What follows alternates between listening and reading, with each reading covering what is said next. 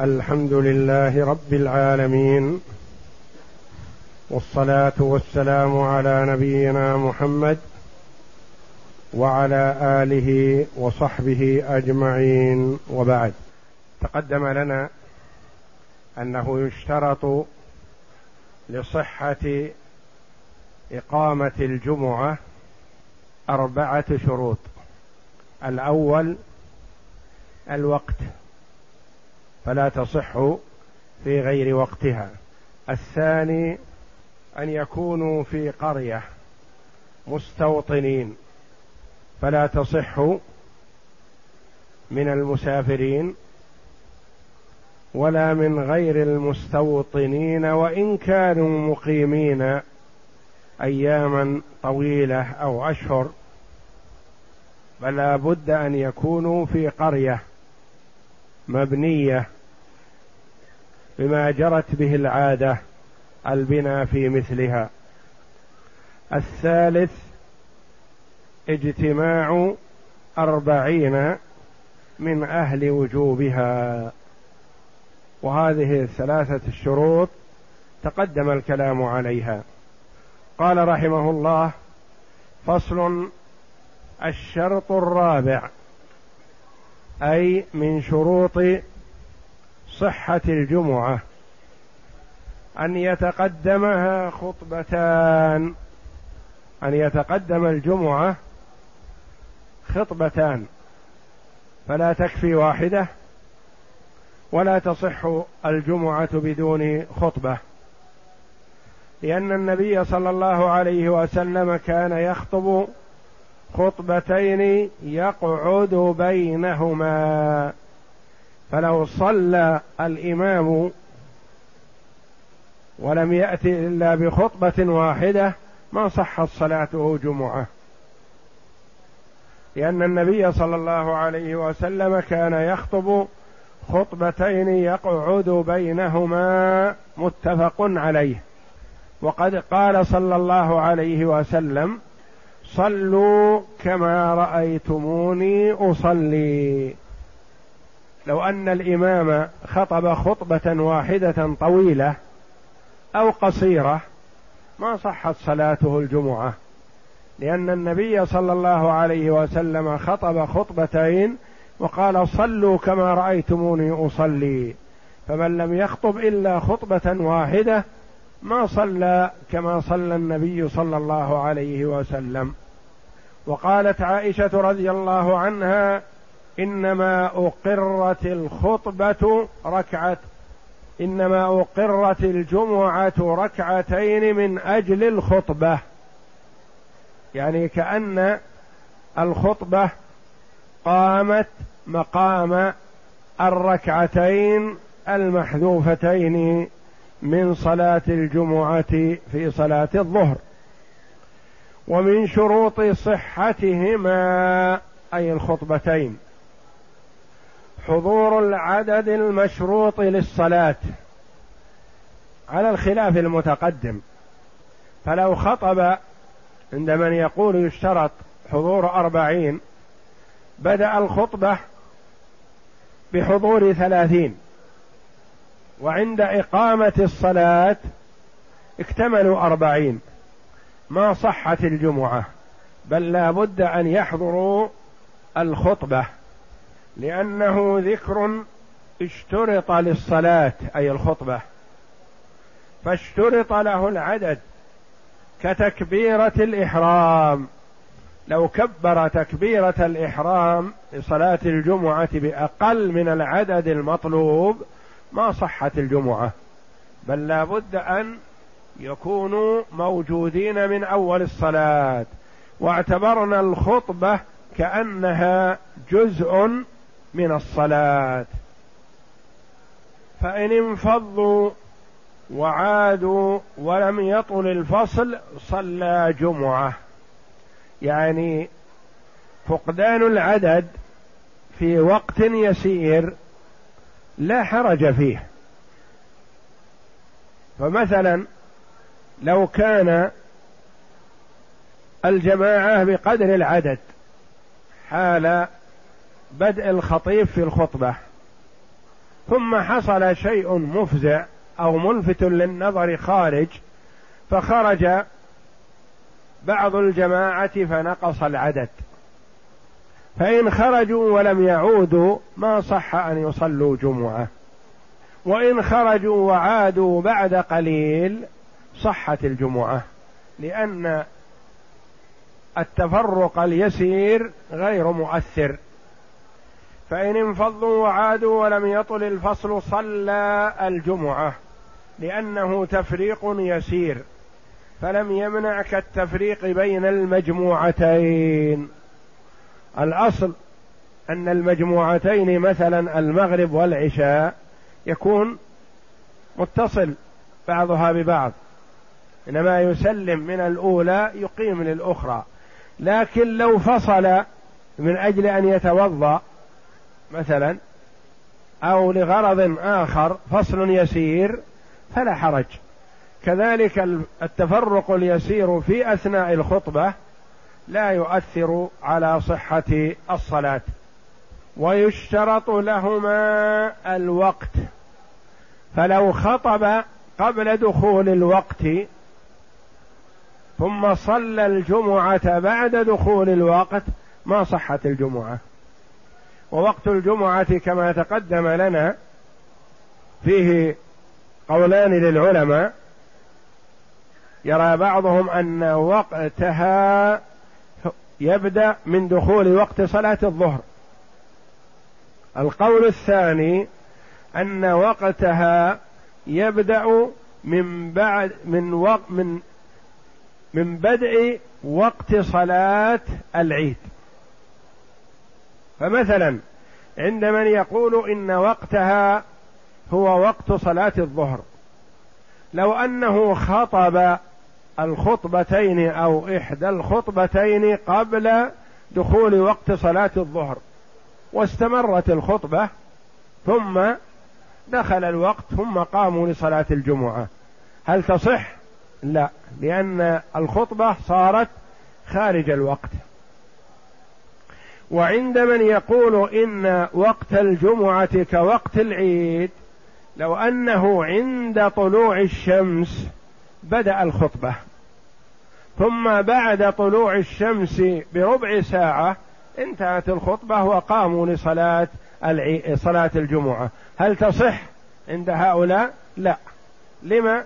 لأن الخطبة قبل الوقت ويشترط الموالاة في الخطبتين فإن فرق بين الخطبتين أو بين أجزاء الخطبة الواحدة أو بينهما وبين الصلاة فإن طال الفصل بطلت. وإن كان يسيرا بنى. يشترط الموالاة بين الخطبتين. فلا يجوز أن يخطب الخطبة الأولى ثم يذهب إلى أهله ثم يعود فيخطب الخطبة الثانية ثم يصلي.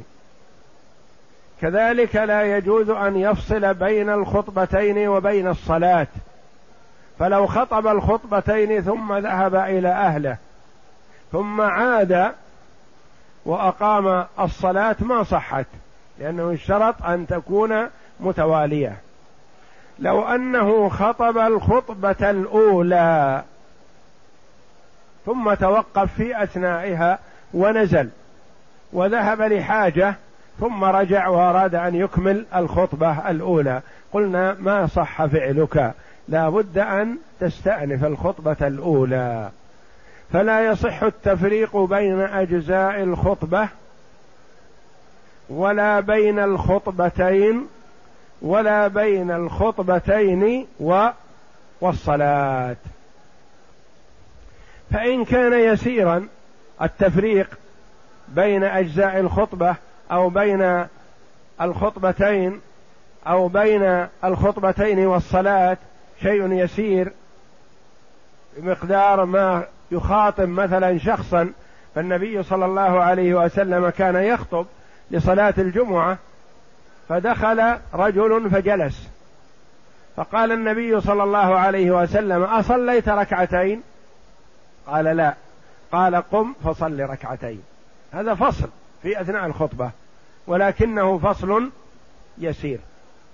والرجل الذي دخل والنبي صلى الله عليه وسلم يخطب صلاة الجمعة فقال يا رسول الله انقطعت السبل وذكر عن القحط وحالتهم وما والشدة التي نالتهم من تأخر المطر والنبي صلى الله عليه وسلم ساكت يسمع له. ففصل بين أجزاء الخطبة صلى الله عليه وسلم. فدل على أن الفصل اليسير بين أجزاء الخطبة لا يؤثر. ولو أنه مثلا ابتدأ الخطبة ثم بعد ما انتهى من الخطبتين خرج نزل ليتوضأ. كان يكون انتقض وضوءه في أثناء الخطبة. فذهب قليلا ليتوضأ ثم عاد ليصلي فلا حرج لأن هذا الفصل يسير. فإن طال أي الفصل بطلت وإن كان يسيرا بنى لأنهما مع الصلاة كالمجموعتين. يعني الخطبة والصلاة نقيسهما على الصلاتين المجموعتين المغرب والعشاء في حال الجمع أو الظهر والعصر في حال الجمع حيث أنه يجوز إذا صلى الظهر أن يجدد الوضوء أو يتوضأ أو يخاطب شخصا أو يوصي بحاجة ثم يقبل على صلاة العصر. فالفصل بين المجموعتين باليسير لا يؤثر. ويحتمل أن الموالاة ليست شرطا. احتمال آخر أنها ليست شرط. أنه لو فصل ولو فصل طويل فلا حرج. هذا احتمال. قول آخر بأنه مثلا لو أنهى الخطبتين ثم ذهب إلى أهله ونقض وضوءه ثم توضأ وعاد وأقام الصلاة لصلاة الجمعة على الاحتمال الآخر أنه لا يؤثر هذا لأنه ذكر يتقدم الصلاة فلم يشترط الموالاة بينهما كالأذان والإقامة. يقول الخطبة والصلاة ليس بمثابة المجموعتين وإنما هما بمثابة الأذان والإقامة مع الصلاة لأن الخطبة ذكر. ذكر تقدم الصلاة مثل الأذان إذا تقدم الصلاة فإنه يكون فيه فاصل.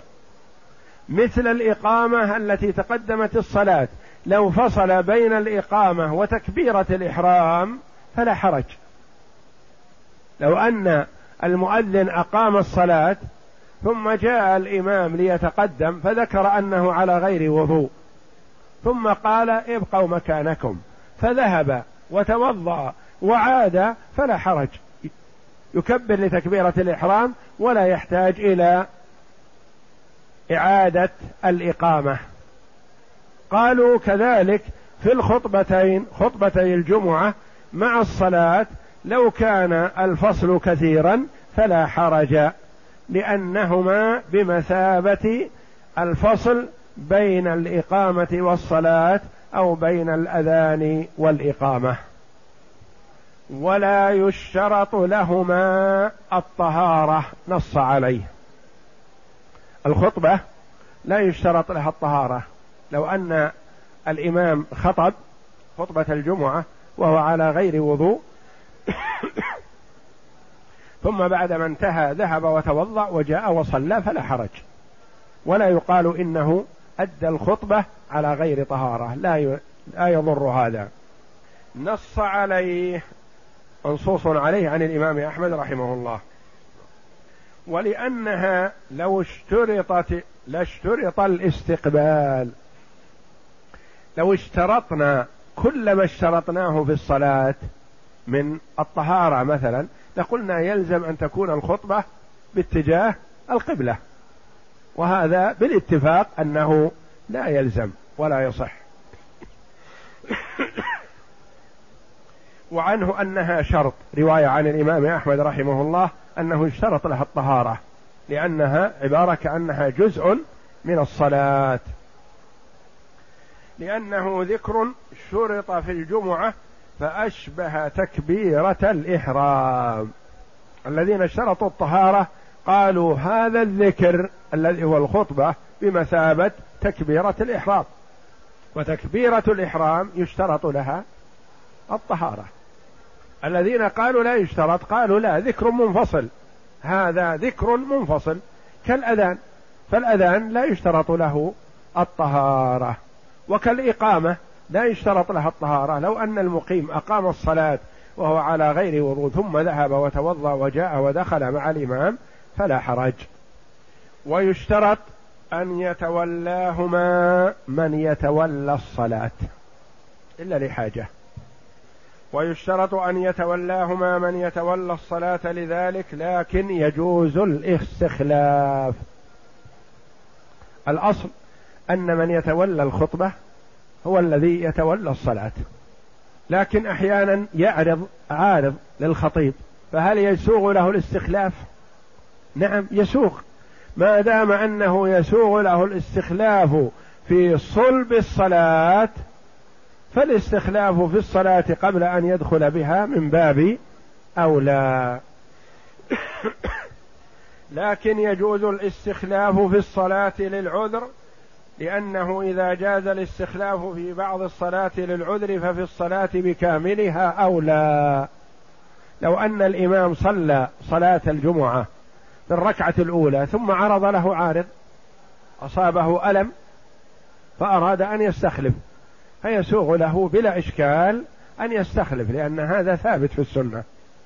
فإذا جاز له أن يستخلف في صلب الصلاة فلا أن يستخلف قبل الدخول في الصلاة من باب أولى. وعنه عن الإمام أحمد رحمه الله ما يدل على جواز الاستخلاف بلا عذر. لو أن الخطيب خطب الجمعة ثم نزل ليؤدي الصلاة ثم رأى أحد مشايخه أو من هو أفضل منه علما ثم قدمه بدون عذر ولكن من باب التكريم والتقدير لهذا العالم فلا بأس بذلك. تصح. يعني وإن لم يكن هناك عذر. الاستخلاف هذا لا إشكال فيه. العذر لا إشكال فيه. لكن الاستخلاف لغير عذر يعني من باب التقدير والاحترام يجوز. قال في الإمام يخطب يوم الجمعة ويصلي الأمير بالناس. الأصل أن الأمراء والخلفاء هم الذين يتولون الإمامة والخطابة في صلاة الجمعة. ولهذا قالوا الجمعة تصلى خلف كل بر وفاجر. لأن الغالب أن يتولاها الأمير وال والخليفة والملك ونحوه مثلا. فقد يكون مستقيما وقد يكون غير مستقيم. فلا يتخلف المرء عن صلاة الجماعة لكون الإمام فيها فاجر أو فاسق أو ظالم لأن الصحابة رضي الله عنهم صلى بعضهم خلف الحجاج. وصلى عبد الله بن مسعود رضي الله عنه خلف الوليد بن عقبة بن أبي معيط. وصلى بهم الفجر أربعة لأنه سكران. فقال له فقال أزيدكم؟ يبي يزيد على الأربع. قال ابن مسعود رضي الله عنه ما زلنا معك منذ اليوم في زيادة. ما قصرت. فلذا لو صلى لو خطب الخطيب وصلى الأمير صح. يقول لا بأس إذا حضر الأمير الخطبة لأنه لا يشترط اتصالها بها فلم يشترط أن يتولاهما واحد كالصلاتين يعني لو صلى لو خطب الخطيب وتقدم الأمير أو الخليفة أو الملك أو القائد أو الرئيس مثلا وصلى صحت الجمعة. وهل يشترط أن يكون الخليفة ممن حضر الخطبة؟ فيه روايتان. قالوا في الرواية الأولى لا يصح أن يتولاها إلا من حضر الخطبة. الرواية الثانية ولعلها أقرب أنه يصح أن يتولاها من لم يحضر الخطبة لأن من لم يحضر الخطبة صلاته في نفسه صحيحة. فكذا إذا صلى إماما. وهل يشترط أن يكون الخليفة ممن حضر الخطبة فيه روايتان؟ إحداهما لا يشترط لأنه لا يشترط في صحة جمعة جمعته حضور الخطبة إذا كان مأموما. يعني المأموم سواء حضر الخطبة أو لم يحضر الخطبة صلاته صحيحة. فكذا إذا كان إماما والثانية يشترط والثانية يشترط أن يكون المتقدم إماما أن يكون حضر الخطبة لأنه إمام فاشترط حضوره للخطبة كما لو لم يستخلف.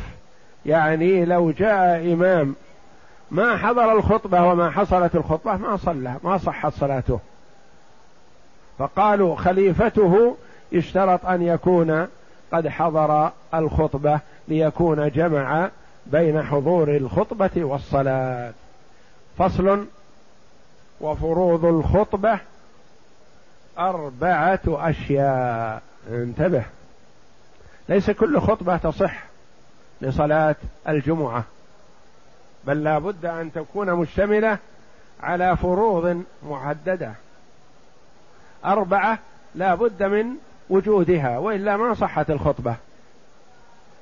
فهناك فروض لا بد من وجودها وهناك سنن يستحب وجودها ولا يلزم لكن الفروض لا بد من وجودها فينتبه لها خشية أن يفرط الخطيب في فرض من هذه الفروض فما تصح خطبته فإذا ما صحت خطبته ما صحت صلاته.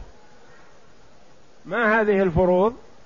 أولها حمد الله تعالى لأن جابرا قال كان رسول الله صلى الله عليه وسلم يخطب الناس يحمد الله ويثني عليه بما هو أهله ثم يقول من يهده الله فلا مضل له ومن يضلل فلا هادي له رواه مسلم. فخطبة النبي صلى الله عليه وسلم كان يبدأها بالحمد. فلا بد أن تكون خطبة الخطيب يوم الجمعة مبدوءة أو مشتملة على حمد الله. الأفضل أن تكون في الأول لكن لو لم ينطق بها في الأول صح. المهم أن يأتي بها. لو قال على أول ما يبدأ أشهد أن لا إله إلا الله وحده لا شريك له وأشهد أن محمدا عبده ورسوله ثم قال الحمد لله مثلا بعد ذلك. صح. المهم أن يأتي بكلمة الحمد لله. الثاني الفرض الثاني من فروض صحة الخطبة الصلاة على رسول الله صلى الله عليه وسلم. لأن كل عبادة افتقرت إلى ذكر الله تعالى افتقرت إلى ذكر رسوله صلى الله عليه وسلم. كالصلاة وكالأذان. فالأذان لا يصح إلا بشهادة أن محمد رسول الله. والصلاة لا تصح إلا بالصلاة على رسول الله صلى الله عليه وسلم. فاشترط في الخطبة لأنه اشترط فيها ذكر الله فاشترط فيها الصلاة على رسول الله صلى الله عليه وسلم. هذا الشرط الثاني. الأول الحمد لله. الثاني الصلاة على رسول الله صلى الله عليه وسلم. الثالث الموعظة لأنها هي الهدف وهي المقصود وهي المرادة في الخطبة الجمعة. لما خطبة الجمعة؟ لموعظة الناس وتذكيرهم. الموعظة لأن النبي صلى الله عليه وسلم كان يعظ وهي القصد من الخطبة فلا يجوز الإخلال بها. الثالث الموعظة. الرابع قراءة آية. قراءة آية. فهنا يقول يشترط قراءة آية يعني لازم أن تكون كاملة. قول آخر أنه إذا جاء بشيء من القرآن مثلا ولو لم يكمل الآية صح. فمثلا آية الدين صفحة في كتاب الله. يا أيها الذين آمنوا إذا تداينتم بدين أجل مسمى فاكتبوه. لو أن موضوع الخطبة في البيع والشراء والدين وكذا ثم إن الخطيب قرأ بعض هذه الآية استطالها فقرأ جزءا منها. عند من يشترط قراءة آية كاملة يقول لا تصح خطبته. لا بد أن يأتي بالآية كاملة. عند من لا يشترط وهو القول الآخر أنه إذا جاء بشيء من القرآن كفى لو قرأ جزءا من الآية هذه ثم قال الآية. يعني أكملوا الآية تعرفون الآية أنتم. الرابع قراءة آية لأن جابر بن سمرة قال كانت صلاة رسول الله صلى الله عليه وسلم قصدا وخطبته قصدا يعني وسط ليست بالطويلة ولا بالقصيرة. لا طويلة مملة ولا قصيرة مخلة. يقرأ آيات من القرآن ويذكر الناس. يقرأ آيات. قال رواه أبو داود والترمذي ولأن الخطبة فرض في الجمعة فوجب القراءة فيها كالصلاة. وعن أحمد ما يدل على أنه لا يشترط قراءة آية فإنه قال القراءة في الخطبة على المنبر ليس فيه شيء مؤقت ما شاء قرأ. يعني على هذا لو قرأ جزءا من آية صحت خطبته. وتشترط هذه الأربعة في الخطبتين. ما هي الأربعة؟ الحمد لله والصلاة والسلام على رسول الله صلى الله عليه وسلم.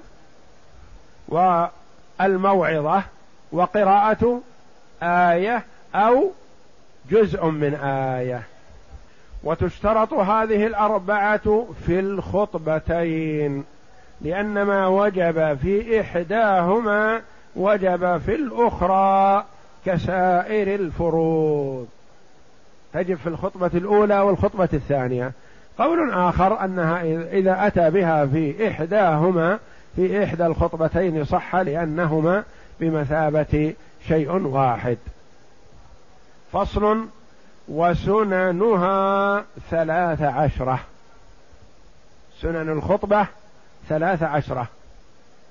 الحمد لله أن فروضها أربعة التي يلزم. وأما السنن فهي كلما استكملها الخطيب فهو أفضل. وإذا ترك شيئا منها فخطبته صحيحة. اولا أن يخطب موضع عال لأن النبي صلى الله عليه وسلم كان يخطب على منبر ولأنه أبلغ في الإعلام. يعني أبلغ أن يكون واقف على شيء مرتفع ليراه كل المصلين. وكان النبي صلى الله عليه وسلم يخطب على جذع قبل أن يتخذ المنبر ثم صنع له المنبر فخطب عليه عليه الصلاة والسلام. الثاني أن يسلم عقيب صعوده إذا أقبل عليهم. لأن جابرا قال كان النبي صلى الله عليه وسلم إذا صعد المنبر سلم عليهم رواه ابن ماجه. السنة الثانية أنه إذا صعد المنبر يقول السلام عليكم ورحمة الله. الثالث أن يجلس إذا سلم عليهم. من سنن الخطبة أنه إذا سلم يجلس ولا يبقى واقف. لأن ابن عمر قال كان النبي صلى الله عليه وسلم يجلس إذا صعد المنبر حتى يفرغ المؤذن ثم يقوم فيخطب ثم يجلس فلا يتكلم ثم يقوم فيخطب. رواه أبو داود. يعني كان إذا سلم جلس. فإذا فرغ المؤذن قام فخطب. ثم يجلس بين الخطبتين. ثم يقوم فيخطب الخطبة الثانية. الرابع من سنن الخطبة أن يخطب قائما. يصح لو خطب جالس لو كان له منبر أو وضع على المنبر كرسي وجلس على الكرسي أو جلس على درج المنبر وخطب صح لكن الأفضل أن يكون قائما. لأن جابر بن سمرة قال إن رسول الله صلى الله عليه وسلم كان يخطب قائما ثم يجلس ثم يقوم فيخطب. فمن حدثك أنه كان يخطب جالسا فقد كذب. رواه مسلم وأبو داود. وليس ذلك بشرط لأن المقصود يحصل بدونه. المقصود من الخطبة يحصل من الجالس كما يحصل من القائم إلا أنه في حال القيام أبلغ. الخامس أن يجلس بينهما. لما تقدم فلو أن الخطيب مثلا خطب الخطبة الأولى ثم وقف وسكت. ثم بدأ الخطبة الثانية وهو واقف. يعني ما فصل بينهما بجلوس صحت خطبتاه. لكن الأفضل أن يجلس اقتداء بالنبي صلى الله عليه وسلم. لأنها جلسة للاستراحة ليست بلازمة وليس فيها ذكر مشروع فأشبهت الأولى أي الجلسة الأولى التي قبل البدء بالخطبة. السادس من السنن أن يعتمد على سيف أو قوس أو عصا. يعني يتخذ شيء يعتمد عليه. لما روى الحكم بن حزن قال وفدت على رسول الله صلى الله عليه وسلم فشهدنا معه الجمعة فقام متوكئا على سيف أو قوس أو عصا فحمد الله وأثنى عليه بكلمات خفيفات طيبات مباركات. هذا العربي الصحابي أعجب بخطبة النبي صلى الله عليه وسلم اعجابا حسنا. فحمد الله وأثنى عليه بكلمات خفيفات طيبات مباركات. رواه أبو داود. ولأن ذلك أمكن له أثبت له إذا كان معه شيء يتكئ عليه. فإن لم يكن معه شيء أمسك شماله بيمينه يعني مسك الشمال باليمين وجعلهما على صدره أو فوق سرته أو تحت سرته لا حرج. المهم أن يمسك اليد اليسرى يمسكها باليد اليمنى حتى يكون أثبت له من الحركة. أو أرسلهما عند جنبيه وسكنهما. يعني الأفضل أن يمسكهما أو يرسلهما هكذا. يرسلهما عند جنبيه ولا يؤشر بيديه ونحو ذلك أو يرفعها أو هكذا لا. بحيث أنه يكون ثابت إما معتمد على سيف أو قوس أو عصا أو وضع إحدى يديه على الأخرى أو أرسلهما وسكن. لأن الخطيب إذا أكثر الإشارات أشغل الحاضرين بتتبع إشاراته فكأنهم ينصرفون عن كلامه إلى النظر إلى إشاراته. ماذا يقول؟ فالأولى له أن يكون ثابتا حتى لا يشغل الحاضرين عن الاستماع لما يقول. وسكنهما يعني فلا يحرك يديه. السابع من السنن أن يقصد تلقاء وجهه لأن في التفاته إلى أحد جانبيه اعراضا عمن في الجانب الآخر. الأفضل الخطيب أن يكون تلقاء وجهه. خلاف ما يفعله بعض الناس مثلا أظن أنه من باب التبليغ يلتفت يمينا ثم يلتفت شمالا ثم يصوب تلقاء وجهه. فوت على الحاضرين كلهم سمع الخطبة. لأنه إذا انصرف يمين من على شماله لا يسمعونه. وإذا انصرف على شماله من على يمينه لا يسمعونه. فالأولى له أن يكون تلقاء وجهه ليسمعه الجميع. الثامن من السنن أن يرفع صوته لأن جابرا قال كان رسول الله صلى الله عليه وسلم إذا خطب احمرت عيناه وعلى صوته واشتد غضبه كأنه منذر جيش يقول صبحكم ومساكم. ويقول أما بعد فإن خير الحديث كتاب الله وخير الهدي هدي محمد صلى الله عليه وسلم وشر الأمور محدثاتها وكل بدعة ضلالة. رواه مسلم. الأولى أن يصرف الخطيب الناس إليه برفع صوته فلا يكون صوته خافتا لا يسمعه إلا قليل من الناس ويكون فيه انفعال كحال النبي صلى الله عليه وسلم من باب لفت النظر واستجلاب الناس فلا يكن كأنه يتكلم كلاما مع شخص فيما بينه وبينه وإنما يكون برفع صوت و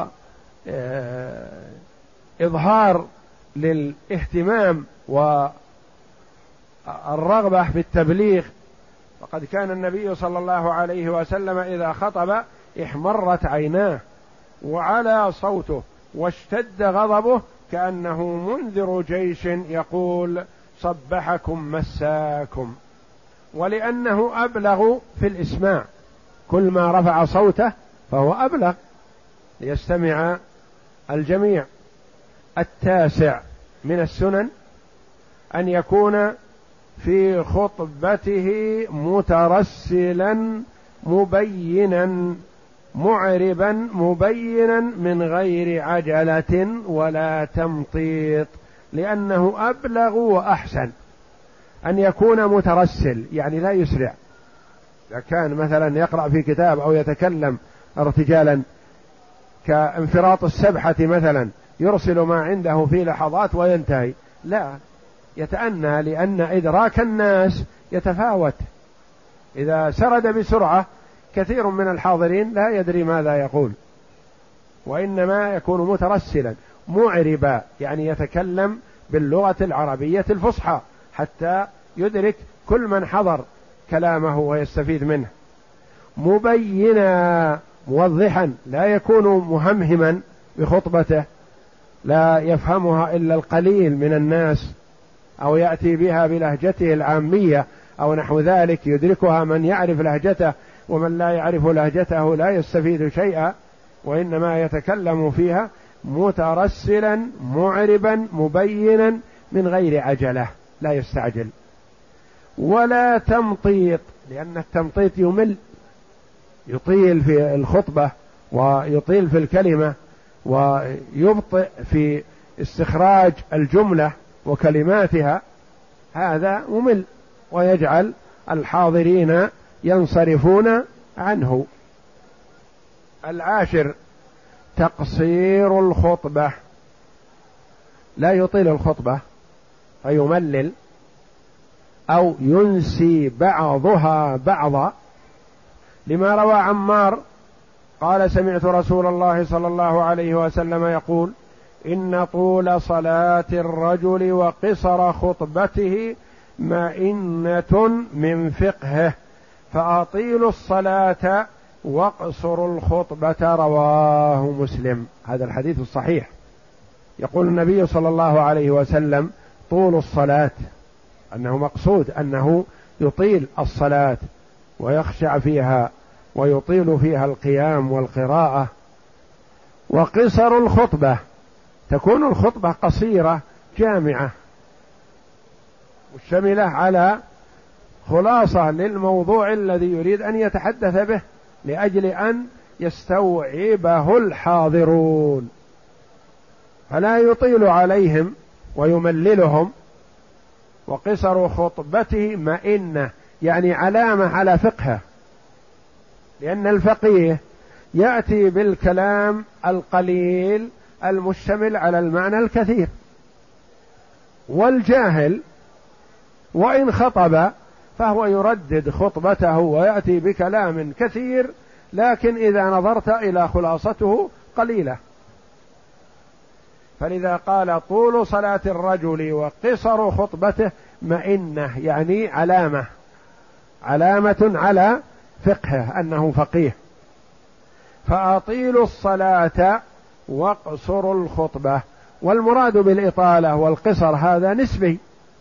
ليس معناه أنك تجعل الصلاة تقرأ في صلاة الجمعة سورة البقرة؟ كما صلى النبي صلى الله عليه وسلم في النفل بركعة واحدة سورة البقرة والنساء وآل عمران. هذا في النفل في صلاة الليل. لكن في صلاة الجمعة اقرأ كما كان النبي صلى الله عليه وسلم يقرأ بسبح والغاشية أو بالجمعة بسورة الجمعة والمنافقون. الحادي عشر ترتيبها. من السنن أن يرتب شروط وفروض الجمعة. يرتب فروض الجمعة ترتيبا. يبدأ بالأهم فالأهم. ما هو؟ يبدأ بالحمد لله. هذا أول شيء. ثم الصلاة على رسول الله صلى الله عليه وسلم. ثم يعظ. والنبي صلى الله عليه وسلم كان يبدأ بالحمد لله. وقال كل كلام ذي بال لا يبدأ فيه بحمد الله فهو أبتر يعني مقطوع. كما قال الله جل وعلا إن شانئك هو الأبتر يعني المقطوع. الثاني عشر أن يدعو للمسلمين. من السنن من سنن الخطبة أن يدعو للمسلمين. لأن الدعاء لهم مسنون في غير الخطبة ففيها أولى. فلو أن الخطيب خطب ولم يدعو للمسلمين فخطبته صحيحة لكن الأفضل أن يدعو. وإن دعا للسلطان فحسن لأن صلاحه نفع للمسلمين فالدعاء له دعاء لهم يعني يعود نفعه لهم لأن بصلاحه تصلح الرعية. فإذا وفق الإمام وكان صالحا صلح الناس وتقربوا إليه بالخير والصلاح. وإذا كان والعياذ بالله بخلاف ذلك تقربوا إليه بما يحب بالفسق والفجور. وكما يقال الناس على دين ملوكهم. وكما روي عن الإمام أحمد رحمه الله لو علمت أن لي دعوة مستجابة لصرفتها للإمام وهو الذي حبس وسجن من قبل الإمام رحمه الله. لو علمت أن لي دعوة مستجابة لصرفتها للإمام لأنه ليس المقصود هو ذاته وإنما بصلاحه صلاح للأمة ودعوة للخير واستقامة على المنهج الصحيح وتحكيم لكتاب الله وسنة رسوله صلى الله عليه وسلم. وإذا فسد والعياذ بالله فسدت الحال. فالدعاء للإمام ولولي الأمر ليس دعاء له لذاته وإنما لما يعود فيه من نفع لسائر المسلمين كأنه يدعو لهم كلهم. كما تقول اللهم ول علينا خيارنا. فإذا تولى الخيار صلحت الأمة وإذا تولى الأشرار والعياذ بالله فسدت الحال. الثالث عشر والأخير أن يؤذن لها إذا جلس الإمام على المنبر. يعني السنة الثالثة عشرة إذا أن يكون الأذان عند جلوس الإمام على المنبر. فلو أذن قبل ذلك بقليل مثلا علم أن الإمام أقبل وقام المؤذن وأذن قبل أن يحضر يصل الإمام وقبل أن يجلس صحت الصلاة وصح الأذان. أن يؤذن لها إذا جلس الإمام على المنبر لأن الله تعالى قال إذا نودي للصلاة من يوم الجمعة. يعني الأذان. الأذان الذي بين يدي الخطيب. هذا هو المقصود بهذه الآية الكريمة. قال السائب كان النداء يوم الجمعة إذا جلس الإمام على المنبر. على عهد رسول الله صلى الله عليه وسلم وأبي بكر وعمر. كان في عهد النبي صلى الله عليه وسلم وأبي بكر رضي الله عنه وعمر رضي الله عنه. كان الأذان يوم الجمعة أذان واحد. إذا جلس الخطيب على المنبر قام المؤذن وأذن. لأن الناس كانوا يحضرون مبكرين ولا ينتظرون الأذان. يأتون وقد علموا قول النبي صلى الله عليه وسلم من جاء في الساعة الأولى فكأنما قرب بدنه ومن جاء في الساعة الثانية فكأنما قرب بقرة ومن جاء في الساعة الثالثة فكأنما قرب كبشا. ومن جاء في الساعة الرابعة فكأنما قرب دجاجة. ومن جاء في الساعة الخامسة فكأنما قرب بيضة. فإذا حضر الإمام انتهت الساعات. شتان وفرق بعيد بين من قرب بدنه وبين من قرب بيضة. فكان الصحابة رضي الله عنهم يتنافسون على التقدم.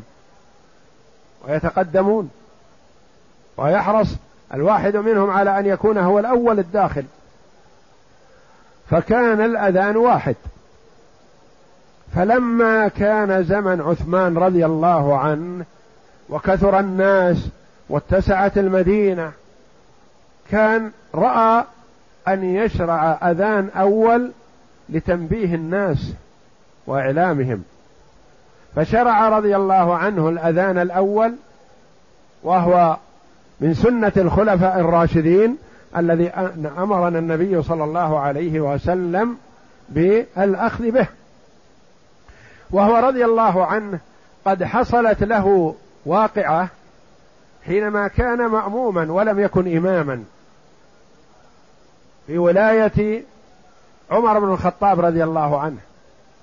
كان عمر رضي الله عنه يخطب في صلاة الجمعة. فدخل عثمان رضي الله عنه. والإمام يخطب. عمر.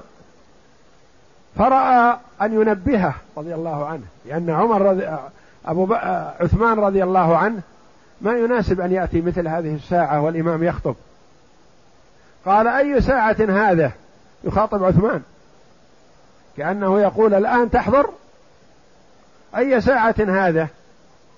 فقال ما زدت على أن سمعت الأذان توضأت وأتيت. فقال والوضوء أيضا يعني قصرت حتى لم تغتسل بت توضأت فقط. فرأى رضي الله عنه لما كان الأمر إليه فشرع الأذان الأول لينبه الناس حتى لا يقع أحد بمثل ما وقع فيه هو رضي الله عنه وأرضاه. قال السائب كان النداء يوم الجمعة إذا جلس الإمام على المنبر على عهد رسول الله صلى الله عليه وسلم وأبي بكر وعمر. فلما كان عثمان وكثر الناس زاد النداء الثالث. رواه البخاري. كيف النداء الثالث؟ نعم.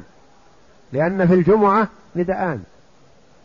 النداء الأول كان عند جلوس الخطيب. النداء الثاني كان لإقامة الصلاة. فزاد هو رضي الله عنه النداء الثالث الذي هو قبل أن يأتي الإمام الذي نسميه حن نحن الأذان الأول. هذا هو الذي زاده عثمان رضي الله عنه وأرضاه. زاد النداء الثالث رواه البخاري. والنداء الأوسط هو الذي يتعلق به وجوب السعي وتحريم البيع لأنه الذي كان مشروعا حين نزول الآية فتعلقت الأحكام به. الله جل وعلا يقول يا أيها الذين آمنوا إذا نودي للصلاة من يوم الجمعة فاسعوا إلى ذكر الله وذروا البيع اتركوا البيع.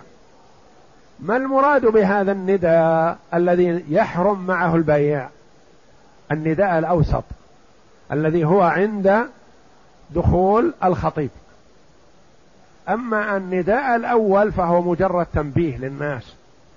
لأجل من أراد أن يغتسل من أراد أن يتوضأ من انشغل بشيء وغفل ينبه. فتحريم البيع ووجوب السعي متى؟ عند النداء الأوسط. والنداء الأوسط هو الذي يتعلق به وجوب السعي يعني السير للجمعة وتحريم البيع لأنه الذي كان مشروعا حين نزول الآية فتعلقت الأحكام به. ويسن الأذان الأول في أول الوقت يعني يسن أن يؤذن. الأذان الأول هذا في أول الوقت من أجل أن يتنبه الناس ويحضروا. لأن عثمان سنة رضي الله عنه وعملت به الأمة بعده فهو سنة ولا يصح أن يقال إنه بدعة لأن النبي صلى الله عليه وسلم قال عليكم بسنتي وسنة الخلفاء الراشدين المهديين وعثمان رضي الله عنه وأرضاه هو ثالث الخلفاء الراشدين. وهو مشروع للإعلام بالوقت. الأذان الأول مشروع للإعلام بالوقت والثاني للإعلام بالخطبة والإقامة للإعلام بقيام الصلاة. يعني ثلاث النداءات. النداء الأول كأنه يقول للناس انتبهوا قرب وقت صلاة الجمعة. النداء الثاني يقول حضر الخطيب. النداء الثالث يقول قوموا إلى صلاتكم. والله أعلم. وصلى الله وسلم وبارك على عبده ورسول نبينا محمد وعلى آله وصحبه أجمعين.